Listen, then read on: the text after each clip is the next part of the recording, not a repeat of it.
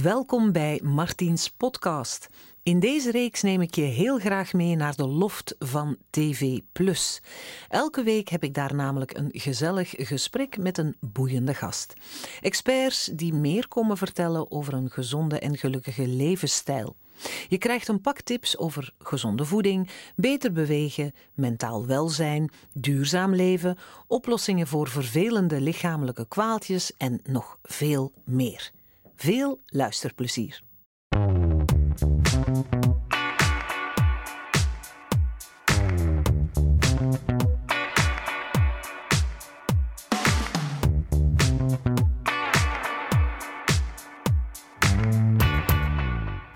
Aloha, lieve kijkers. Welkom bij Martiens. Ik ben weer heel blij dat ik jullie mag verwelkomen in een programma waar een mens toch blijer en gezonder van wordt. En weet je waar ik van moet glimlachen? Van dit soort beelden. Excuse me, what makes you happy? Uh, it's flowers. I'll be back in five minutes. It's been a long day without you, my friend. And I'll tell you, Hey, excuse me, I got you this. Oh my god, thanks a lot. Thank you, have a good day. come a long way. Ja, dan zie je wat een bos bloemen teweeg kan brengen bij een mens. Zomaar een bosje bloemen krijgen van een wildvreemde. Hoe fijn is dat? Nu, wat is eigenlijk de magie van bloemen? Ik praat erover met de schrijfster van dit prachtige boek, Dr. Flower. En dat is niemand minder dan Sarah Adriaanse. Sarah, welkom. Hi. Hallo, dag Martien. Jij schreef het prachtige boek Dr. Flower. Ik ga het eventjes zo leggen, dat de camera het weer goed kan zien. Want jij doet al jaren onderzoek naar het effect van de omgeving en vooral de natuur op de mens. Hè? Dat klopt. hè? Ja, klopt. Nu, van waar komt die fascinatie? Oh, dat is eigenlijk al van heel klein dat ik eh, met natuur, allee, door natuur gefascineerd ben. Ehm, dat komt eigenlijk door mijn moeder, denk ik vooral. Zij was echt al jaren bezig met bloemen. Eh, zij is een apothekeres van opleiding en ook homeopathe. En zij heeft mij eigenlijk de liefde voor bloemen met de paplepel binnengegeven, zal ik zeggen. Oh, wat een heerlijke mama. Oh, Ja. zalig. Ons moeder die was ook altijd wel met bloemschikken bezig, maar dit is nog een, een, een, standje, Ja. een tandje verder. Hè? Nu, we weten allemaal, enfin, dat denk ik toch, dat de natuur een helend effect heeft op onze gezondheid. hè. Dat zie je ook in homeopathie. Eh, Dat een wandeling in het bos, ik vind dat dat wonderen doet. Ik word daar rustig van, ik word daar blij, blij en creatiever van. En het stelt mij ook geruster, denk ik. Maar er is ook heel veel onderzoek ge- gedaan naar het effect van bloemen op mensen. Hè? Dat klopt toch? Hè? Ehm, er is redelijk veel onderzoek gedaan naar het effect van bloemen op mensen, maar er is natuurlijk nog veel meer onderzoek gedaan naar het effect van natuur op de gezondheid van mensen. Ja. Ehm, naar het effect van bloemen is het een beetje zoeken, zeker voor mensen die daar niet zo in thuis zijn, maar Mhm. daar vind je ook wel van alles over. En eh, de onderzoeken naar het effect van natuur op de gezondheid, omdat bloemen ook tot natuur behoren, kan Ja. je daar natuurlijk ook wel veel informatie uithalen. Ehm, Maar, maar hoe, hoe denk jij, want ik, ik weet de standaard dingen, hè, zoals in het bos, daar word je rustig van, groen word je blij van. Maar hoe, hoe verklaar jij als klinisch psycholoog, want dat ben jij, hoe verklaar je die aantrekkingskracht van de natuur op mensen? Wel, mensen hebben eigenlijk duizenden jaren lang in en met de natuur samengeleefd. En als je dan onze moderne, hoogtechnologische, verstedelijkte eh, context, zeker in het Westen dan bekijkt, dan is dat eigenlijk, als je dat op een tijdsbalk uitzet, dan is die, die, ehm, die manier van leven in en met de natuur is zo'n lang stuk. En dat klein stukje dat wij in Ja. een, een eh, verstedelijke, hoogtechnologische wereld leven, is dan eigenlijk maar zo'n klein stukje op die tijdsbalk. Wat wil dat zeggen? Als eh, een brein van iemand of een lichaam van iemand zich moet aanpassen aan een nieuwe leefomgeving, dan duurt dat allee, verschillende generaties of honderden jaren. De meeste aanpassingen van Daar zijn we soorten nog niet, hebben dus. heel veel tijd nodig, wil Ja. ik zeggen. Maar als je dan dat klein stukje van onze nieuwe westerse hoogtechnologische manier van leven bekijkt op die tijdsbalk, dan is het eigenlijk veel te kort voor ons brein en ons lichaam om zich daaraan aan te passen. Dat wil zeggen dat we eigenlijk nog veel meer aan die natuur zijn aangepast dan aan die verstedelijkte hoogtechnologische manier van leven. Dus ons oerbrein reageert eigenlijk op ja, die ons, natuur. ons oerbrein is Niet nog altijd stukje? Afgestemd op natuur en niet op stad of Mhm. op hoogtechnologische prikkels. Dus eh, bijvoorbeeld, ons ehm, oerbrein eh, kan veel beter fractale vormen verwerken. Dat zijn vormen die je in de natuur terugvindt en niet in de stad. En die verwerking die gaat veel sneller door ons brein, die gaat automatisch, dat kost ons brein geen moeite. Vandaar dat ons brein eigenlijk verzot is op fractale vormen. En dat zijn vormen Organische vormen. Die je in de natuur vooral terugvindt. Ah, ja. Dat zijn een soort ja, organische vormen. Dat zijn eigenlijk eh, vormen die zichzelf op een steeds kleinere schaal herhalen. Als je bijvoorbeeld in de winkel een bloemkool gaat kopen, of nog duidelijker, een romanesco-kool, ik weet niet of dat, Dat zijn misschien die kent, dat die zijn zo in een puntje lopen, ja. Als je die in detail zou bekijken, dan zie je dat die ehm, kleinere onderdeeltjes van die Rome- romanesco-kool eigenlijk altijd kleinere romanesco-kooltjes op een kleinere schaal. Ja, om die uit te Ja, maar ja, ik dat weet wat je dat bedoelt. het zijn allemaal terugziet. mini Dus die zijn altijd kleiner wordende Ja. romanescootjes, kleiner en kleiner. En dat en dat is fijn. een fractale vorm eigenlijk. Dat zie je ook bij een dennenappel. Die hoofdvorm van die dennenappel, als je die kleine stukjes ziet, dat zijn eigenlijk herhalingen van die hoofdvorm. Mhm. En onze hersenen zijn eigenlijk ook fractaal. Dus de vorm van je brein, dat zie je altijd in steeds kleinere schaal terugkeren. Oh, echt waar? Ja. Of eh uw bloedvaten zijn ook fractaal van aard. eh, wolken zijn fractaal van aard. Dus alles Dus- wat fractaal is, Ja, voelt voor ons voelt voor ons bekend. ver- vertrouwd. Voor onze Ja. hersenen voelt dat vertrouwd. En die informatieverwerking gaat veel vlotter. En dat kost ons brein nauwelijks moeite om die informatie te verwerken. En vandaar dat ons brein daar eigenlijk verzot op is. En dat we dat ook direct mooi vinden en aantrekkelijk. Mhm. En in de natuur keert dat steeds weer, die fractale vormen. Dus Mhm. vinden we natuur gemakkelijker om te verwerken met ons brein en ook aantrekkelijker. Oké, ja, want dan denk Dat ik is- aan het, aan het tegenstelde van die natuur. En bijvoorbeeld maandagochtend, eh hectisch begin van de week, de kinderen moeten naar school, eh, je moet op tijd op je werk zijn. Wat gebeurt er dan eigenlijk in je lichaam allemaal? Eh, dan ga je eigenlijk het sympathisch zenuwstelsel in je lichaam activeren. Mhm. Je hebt in je lichaam het sympathisch zenuwstelsel en het parasympathisch De zenuwstelsel. gas en de rem, hè? De gas en de rem. Het sympathisch is eigenlijk de gas. Dus als je eh, in zo'n hectische toestand zit van een maandagmorgen, Mhm. dan ga je op die gas duwen, op, die, op dat sympathisch zenuwstelsel, Mhm. dan ga je dat activeren. En dat ga je voelen in je lichaam doordat je hartslag naar boven gaat, je eh, sneller gaat, je bloeddruk naar boven gaat, eh, je het warmer krijgt, je meer stress- en angstgevoelens opkomen, Mhm. Dat eh, je meer stresshormonen gaat Dus produceren. je bent gewoon gespannen. Je bent gespannen, je bent in een staat van fight or flight, zal ik Mhm. zeggen. En dat is ook nog iets van vroeger, dat je in dergelijke staat terechtkomt als je op de savanne met een leeuw of zo geconfronteerd werd. Dan dat heb je moest fight kunnen or flight vechten nodig. of vluchten om te kunnen Ja. overleven. En vandaar dat, eh, dat sympathische zenuwstelsel dat dan in gang schiet. En zijn het dan de bloemen en planten die dat parasympathische systeem wat aanwakkeren? Dus de, de de rempedaal, het vertragen ja, gaat dan door de ja, ja, natuur? ja, waarschijnlijk, hoogstwaarschijnlijk wel. Want in onderzoek naar het effect van natuur op gezondheid zien we steeds terugkeren dat de parameters van het parasympathisch zenuwstelsel geactiveerd worden. worden. Dus we zien dat als we in de natuur zijn, dat we eh, een lagere bloeddruk hebben, dat de hartslag vertraagt, dat we minder stresshormoon gaan aanmaken. Dus allemaal parameters die erop wijzen dat het parasympathisch systeem wordt geactiveerd of dat die spreekwoordelijke rem wordt ingeduwd. Ja. En dat zal bij bloemen waarschijnlijk niet anders zijn. Maar- Alles wijst daarop. Ik denk dan, hè, want we hebben hier, eh, omdat Ja. jij vandaag kwam, we hebben bloemen in de studio. Ik ben daar Ja. heel blij om. Ja. Heeft een bloemetje dan ook dat effect? Ja, want dat is Ja. natuur. Maar Ja. zou dan bijvoorbeeld een, een foto van een bos bloemen, zou dat hetzelfde veroorzaken? Ja, ja, dat ziet er naar uit van wel, want dat hebben ze ook in onderzoek gezien, Mhm. dat afbeeldingen van natuur ook rustgevend al op zich werken. Dus dat het niet echte natuur moet zijn, maar dat schilderijen of foto's van natuur ook al iets doen met ons en ons ook gaan kalmeren. En dat kan bijvoorbeeld met die fractale vormen te maken hebben, die Mhm. dan op dat schilderij of die, Ja, die herhaald afbeelding worden. te zien zijn. Want die gaan al rustgevend op zich werken.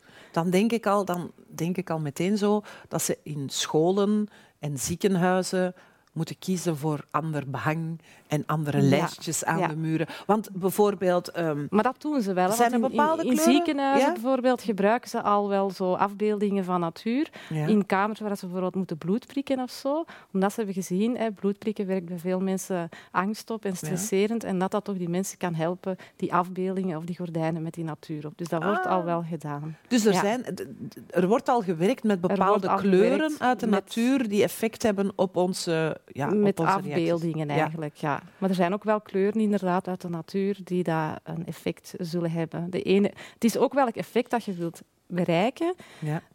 is afhankelijk van de kleur dat je best gebruikt. Hè. Als je bijvoorbeeld minder stress wilt, ja, dan moet er niet iemand een boeket met knalrode rozen gaan geven. Dan gaat eerder een boeket met, met witte lelies of lichtblauwe lelies of zoiets Mhm, geven. Dan, mhm, mhm. dat, dat rood dat gaat dan eerder activeren en opwekken. Ja. Ze hebben dat ook gezien, dat de kleur rood ehm, mensen hun hartslag zelfs naar boven gaat gaat kunnen doen en de mensen het warmer gaan krijgen en zo. Dus dat is dan niet zo'n goed idee. Je moet kijken welk effect wil ik bereiken en dan de kleur daarop aanpassen. Dat is dan de reden waarom dat rode wagens altijd veel harder rijden dan witte wagens. Denk ik dan maar ineens. Ja, het zou wel Ja, kunnen. Want het is dus zo dat een kleur heeft ook effect op hoe wij ons voelen. Groen Ja. geeft rust. Ja. Rood worden we geagiteerder van.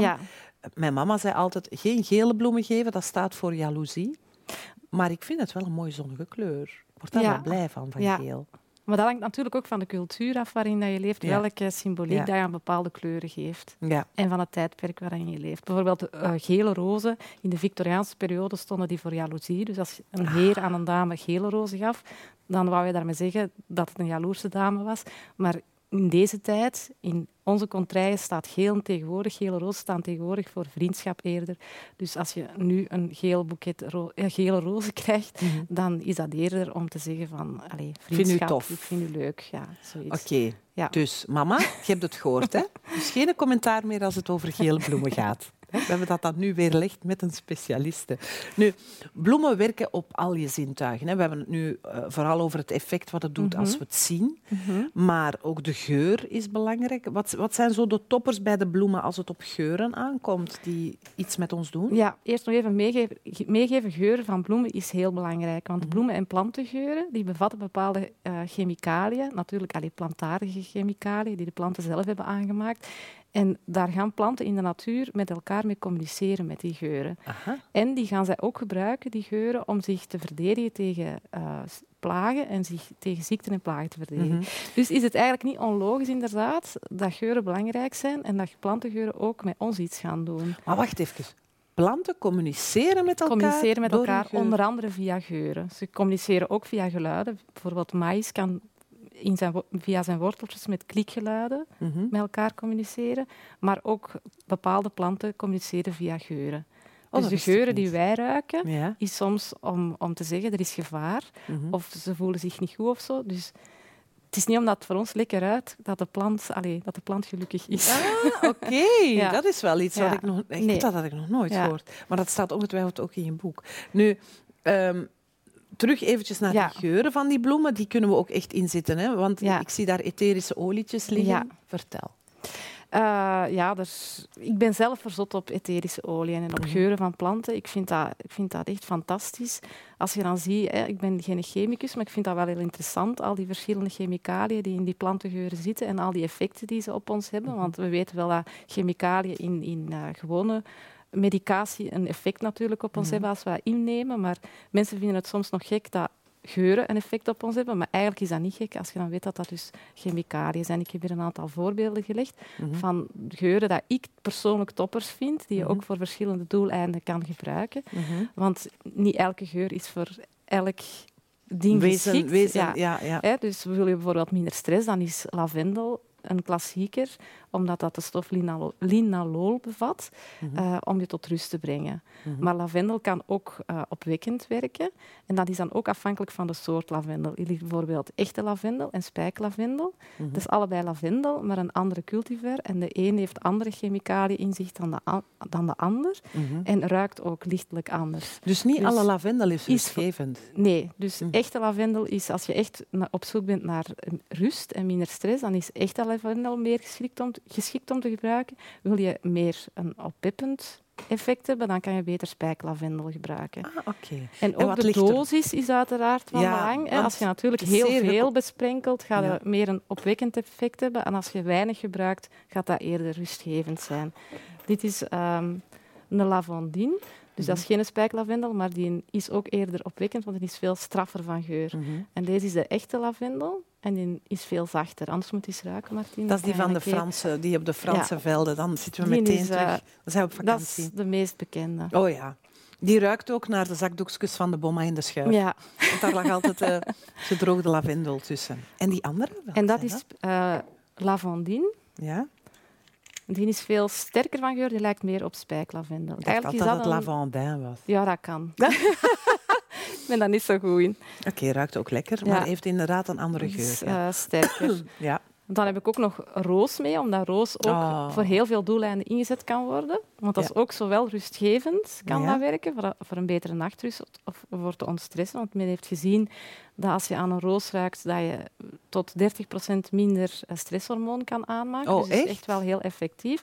Maar het kan ook helpen om u een, ja, een boost te geven, om u eh, ja, een op te peppen en een beter gevoel te geven. Ja. Dus het heeft eigenlijk twee kanten. Is dat niet een adaptogeen dan? Dat het dan eigenlijk doet wat je nodig he- hebt? Ja, ik ben geen aromatherapeut, maar jij weet Ja, er heel een veel van. adaptogeen is eigenlijk, Dus, dat zit eh, ook in, eh, als herborist of als, in de keuken of met kruiden, is het zo dat, ehm, er zijn ook planten, bloemen, eh, adaptogenen wil eigenlijk zeggen dat ze dat doen wat jij op dat moment nodig hebt. Ah, Ofwel ja, doen ja. ze iets meer, ofwel Ja. zwakken ze juist iets af. En dit is camomille, dat, dat is ook kamille, vind ik ook een heel interessante. Oh ja, dat ruikt anders dan... Ah ja, ja, doe me denken aan. Ja, je hebt daar ook heel veel verschillende soorten van. van hè. haar en- Ja, ja. Nu, je, je legt in je boek ook uit ehm, een trucje om het relaxerende effect van bloemengeur te verdubbelen. ja. Hoe doen we dat? Ehm, dus als je een antistressboeket hebt gemaakt, zoals bijvoorbeeld er een voorbeeld van staat in het Mhm. boek, ehm, een geurend antistressboeket, want er Mhm. staan twee soorten antistressboeketten in, maar dan één dat specifiek op geur is afgestemd, Mhm. dan kan je dat effect, dat positieve effect van die ontstressende geur verdubbelen door een bepaalde ademhalingstechniek toe te passen bij dat boeket. Aha. En dat is een techniek die ik heb gehaald van ehm, James Nestor. Dat is een Amerikaanse auteur die een Mhm. heel mooi boek over ademhaling heeft geschreven. En hij legt daarin uit dat er een verschil is, een verschillend effect op je brein en op je lichaam als je door je linker neusgat in- en uitademt of door je rechter neusgat in- en uitademt. Echt waar? Ja. Dus als je bijvoorbeeld door links gaat in- en uitademen, dan ga je je rechter hersenhelft activeren, zegt hij. En als Ja. je je rechter hersenhelft activeert, dan ga je eerder je parasympathisch zenuwstelsel Oh, oh, dus ik moet deze doen. stimuleren. Ah, dus hier Dus ga zou de weer op die roos... spreekwoordelijke rem staan. Dus de, hier zou de roos kunnen kalmeren En als je het aan de andere kant en links doet, zou die kunnen stimuleren. ga je de... Als je rechts inademt, ga je de linker, het is altijd Ja, ja. tegenovergesteld, Ja. ga je de linker hersenhelft activeren en dan Mhm. ga je eerder op de gas staan of het sympathisch Oké, zenuwstelsel dus activeren. zo word ik wakker en zo kom ik tot rust. Ja, ja, ja. en jullie ja, moeten ja. het omdraaien thuis. Oké. En je kan dat dan ook best combineren natuurlijk met een trage in- en uitademhaling. Hè, voor beginners Dit kan je best snel. vier tellen in en vier tellen uit. En dan zo 24 keer achter elkaar of zo. Ah, oké. En als je dan een beetje meer getraind bent, is het goed om vier tellen in en zes tellen uit. Ja, Want een langere uitademhaling gaat zorgen voor meer ontspanning, en Ontspanning, ja, ja. relaxatie. ja. Ja. Oké, nu essentiële olie, je gebruikt het ook, eh, je hebt het er in het eh, boek ook vaak over. Ik ben eh, verzot op de geur van jasmijn en eh, citrusvruchten. Vertelt het ook iets over de mens, eh, wat voor geuren hij of zij lekker vindt ruiken? Geuren zijn natuurlijk iets heel persoonlijks, inderdaad. Mhm. Ehm, ja, geuren zijn gekoppeld aan herinneringen en emoties, ook in Mhm. uw brein. Het is een van de oudste zintuigen, onze neus. Ja. En hij staat rechtstreeks, als het een van de enige zintuigen die rechtstreeks in verband staat met het hersendeel dat te Ja. maken heeft met emoties en met Ah. herinneringen. Ja, oké. er is geen tussendingetje, dat gaat rechtstreeks naar emoties en herinneringen.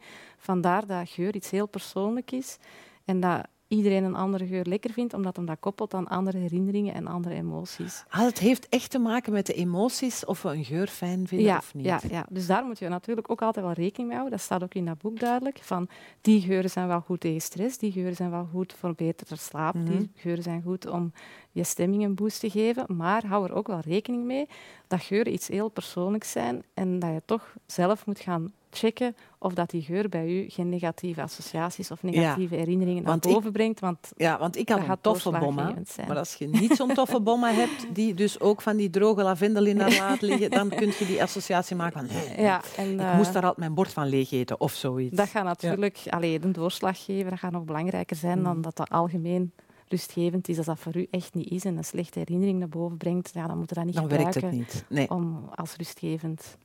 Maar iets, je hebt het over rustgevend. Het, het is zo dat we in, in, in stressvolle tijden leven in deze Mhm, maatschappij. hè. Er, is, er is altijd wel wat gaande. Nu, veel mensen zoeken dan naar iets wat bijvoorbeeld de slaap kan bevorderen, waardoor Mhm. ze beter tot rust komen. Welke zou jij dan aanraden? Ja, het boek heeft dus inderdaad ook een, naast een hoofdstuk over stress ook een hoofdstuk over slaap. Ehm, voor slaap kan je planten en bloemen in je kamer zetten om drie redenen. Dus er zijn Oh, eigenlijk toch, drie, toch in de slaapkamer. ja, drie Ja. groepen die je kan eh, gebruiken. Ten eerste zijn er planten die de lucht bevochtigen, Ja. waardoor je beter kan slapen. Want als je met droge lucht in je slaapkamer zit, dan kan het zijn dat je wakker wordt omdat je moet hoesten of zo, of Mhm. kriebelneus of droge ogen hebt. Mhm. Dus in dat opzicht kunnen planten helpen om je beter te laten slapen door de lucht, lucht te bevochtigen. Ja. En planten met bloemetjes om de lucht te bevochtigen zijn bijvoorbeeld de geldboom of de jadeplant. Die heeft wel maar heel af en toe kleine bloemetjes, maar hij heeft wel bloemetjes, Ja. dus hij staat in het boek. En ook de lepelplant. Ah ja, de lepelplant is Ja, geweldig. Hè? is ook die, goed die zuivert ook de lucht. Hè? Ja, want dan kom ik zo op het tweede. Je hebt ook planten in de slaapkamer, kunnen ook nuttig zijn omdat ze de lucht zuiveren. Mhm. En daardoor kan je ook beter slapen, omdat er dan minder giftige stoffen in je Mhm. slaapkamer hangen. En dan kan je ook weer die lepelplant, die is niet alleen goed voor de lucht te bevochtigen, maar ook om de lucht te zuiveren. En om de lucht te zuiveren heb je ook eh, bijvoorbeeld de orchidee. Is Mhm. ook goed dan om je- op je slaapkamer te zetten, is ook een luchtzuiveraar. Eh, het gerbe- de gerbera, dat is zo'n Mhm. klein schattig bloemetje. Eh, of de flamingoplant is ook een goede plant. Daar om... zitten roze vogels in. Ja, nee. maar is soms wel roos, zoals Ja, een flamingo, ja, vandaar ja, de naam. Nu, ehm, En dan natuurlijk nog, Martien, heb je nog die met geur. Die een bepaalde geur verspreiden, waardoor je beter kan slapen. Zoals de jasmijn eh, of de hyacint, een roosje, ja, eh kamillebloemetjes. Omdat eh, je daar een comfortabel, ontspannend gevoel ja, bij hebt. die, ja, die verspreiden die, die natuurlijke chemicaliën die daar een betere nachtrust bevorderen. Ik ben ervan overtuigd dat heel veel van onze kijkers eh, vanaf nu weer bloemetjes en plantjes in de slaapkamer gaan zetten. Dat vind ik alleen maar heel fijn. Nu, als we bloemen in huis zetten, Mhm. wat zijn dan de beste plekjes in huis eigenlijk? Eh, dat hangt er dan ook weer vanaf wat het doel is Ah. van de bloemen dat je wilt gebruiken. Als je doel is om beter te slapen, dan kan je natuurlijk die planten best op je slaapkamer zetten. Mhm. Ja. Eh, op je nachtkastje bijvoorbeeld, als het planten met een bepaalde maar hebben ze zonlicht nodig? slaapwekkende geur. Ja, je moet natuurlijk wel zien dat ze voldoende zonlicht hebben en dat ze ook niet op een, direct op een verwarmingsbron staan of zo, Mhm. want dan kunnen ze uitdrogen. Of ook niet in een deurgat waar dat er heel veel tocht is of zo. Mhm. Maar als dat bij jouw nachtkastje niet het geval is, is een nachtkastje goed als je beter wilt slapen en je hebt een plantje uitgekozen met een geur die de nachtrust bevordert, Mhm. of een plantje gekozen die de lucht bevochtigt of giftige stoffen uit de lucht haalt. Wil je een plant om eh, minder stress te hebben, dan is de keukentafel bijvoorbeeld wel een goede plek, omdat Ja. je daar heel vaak zit. Ja, Eh, of de dat heeft een groot woonkamer. effect. Of de woonkamer. Of kantoor. Wil je een plant om de concentratie te bevorderen, want er staan ook, eh, er is ook een heel hoofdstuk over concentratie, dan is uitera- uiteraard je kantoor misschien een goede plek. Mhm. Of een, eh, een, als je een raam hebt in je kantoor en je, kijkt, je kan naar buiten kijken, kan het ook interessant zijn om natuurlijk buiten ergens planten met bloemen aan te planten Ja. waar je direct op kan zien. Of een uitzicht op een park. Dat is, ja, eh, ja, ja. Of een Nu- slaapkamerraam kan ook interessant zijn. Mhm. Als je iets wilt om beter te slapen, kan het ook natuurlijk nuttig zijn om planten met bloemen buiten aan je slaapkamerraam aan te planten, zodat je in de zomer je raam open kan zetten en kan genieten van lavendel of iets dergelijks. Ah, of ja. jasmijn die buiten bloeit. Hè. Dat is voor volgende zomer. Ja. nu, er zijn ook bloemen die je kan eten. Hè? Ja, je moet alleen weten welke je mag dat eten. is natuurlijk. belangrijk. ridiculous.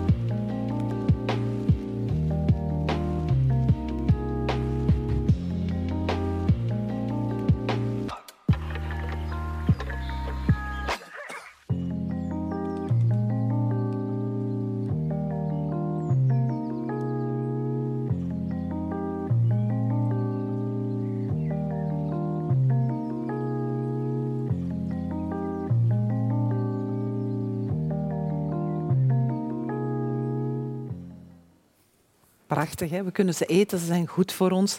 Jij spreekt over biofilie en healing gardens in je boek. Hè? Ja, Ja, het is me al duidelijk dat ze genezend werken, maar wat bedoel je daar precies mee? Eh, biofilie is een term die komt van Wilson. En dat wil eigenlijk gewoon zeggen van... We zijn aangetrokken als mens tot alles wat leeft en alle processen die met leven te maken hebben. En dat komt omdat eh, dat leven ook onze overlevingskans weer te goede komt. Dus we zijn aangetrokken vooral natuurlijk tot eh, die levende dingen die veilig zijn en die overleving te goede komen. komen. Want tegenover biofilie heb je ook biofobie. Dat is angst voor eh, dingen uit de natuur die gevaarlijk zijn en die onze overleving, eh, overlevingskans verminderen. Verminderen. Spinnen en Ja. Ja, maar dat- en zo, waar dat de meeste mensen angst voor hebben. Ja, ja, ja. Nu, ehm, in Japan heb je ikebana, hè, een Mhm. manier van bloemschikken. Je voelt Mhm. me al komen. Eh, is dat dan een vorm van meditatie, ikebana, waar je eigenlijk ook je geest rustig mee maakt?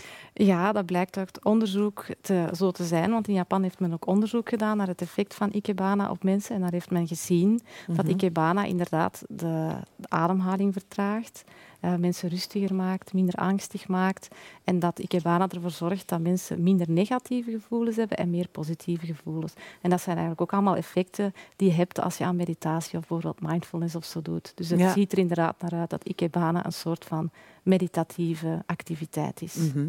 Dus eh, ja, ik stel dan voor dat, lieve kijkers, eh, dat jullie vriend, vriendin, man, vrouw, kinderen allemaal verwennen met regelmatig bloemen, natuur, planten.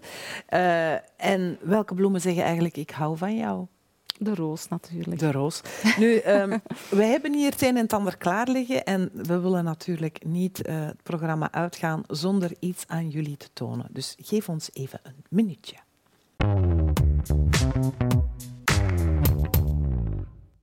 Daar zijn we terug. En ik ga hier nu op jouw instructies een boeket samenstellen, een liefdesboeket. Ja, ja, een romantisch eh, liefdesboeket voor een onschuldig, lief meisje, zou ik zeggen. Ja, Met de kleur lichtroos. ja, Dat staat voor sweetness en onschuld. ja. Eh, en die roosjes die zijn natuurlijk fantastisch daarin, hè, Martien. Eh, want die roos, die, dat is toch een, bijzonder, een bijzondere bloem. Hè? Dat is niet voor niks de liefdesbloem. Je hebt het me nee, net nee, al nee, even nee. Die staat, die staat al sinds de Victoriaanse tijd hè, in de taal van de floriografie. Ja, In, in de preutse Victoriaanse Engelse periode Ja. had men de floriografie om elkaar geheime boodschappen te sturen met bloemen. Aha. Eh, en daarin gebruikte men ook wel eens roosjes om te zeggen ik hou van jou. Eh, dus sym- symbolisch is het een echt eh, liefdesboeket met die Maar is er ook niet nog iets... erin al. En die Geur? hebben een bepaalde geur. Dat Ja? is ook heel belangrijk voor een liefdesboeket. Want Ja. rozen eh, die hebben de stof fenyltilamine. En Oh. dat is een stofje, als je dat inademt, Mhm. waarmee je in een roes terechtkomt. Dat is ook een stofje dat vrijkomt als je verliefd bent of als je chocolade In de eet. roos? In de roos.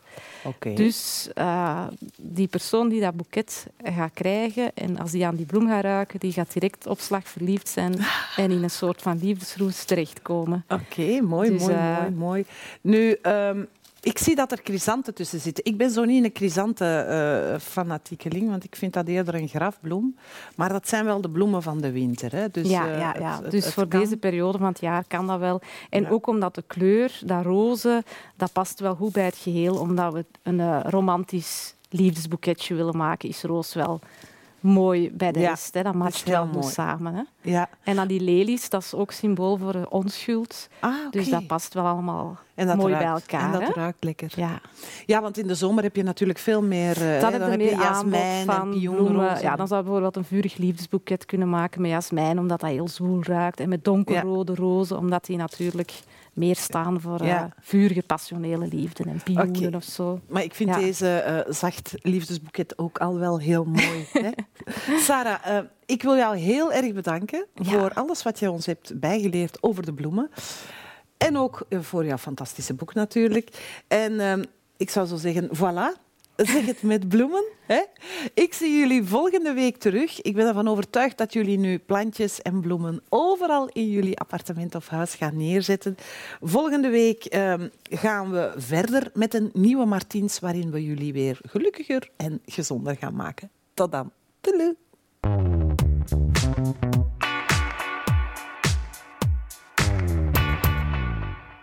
Wel, dat was een heel leuk gesprek. Ik hoop dat je er wat van hebt kunnen opsteken en dat we je hebben mogen inspireren. En als je dit gesprek nog eens wil zien, dan kan dat. Surf gewoon naar www.tvplus.be en check programma Martiens. Daar kan je ook vooral zien wat we allemaal hebben gedaan voor oefeningen, wat we hebben geprepareerd en wat mijn gasten hebben meegebracht. Je kan je ook abonneren op Martiens podcast. Zo mis je geen enkele aflevering. Tot de volgende keer. Doedeloe!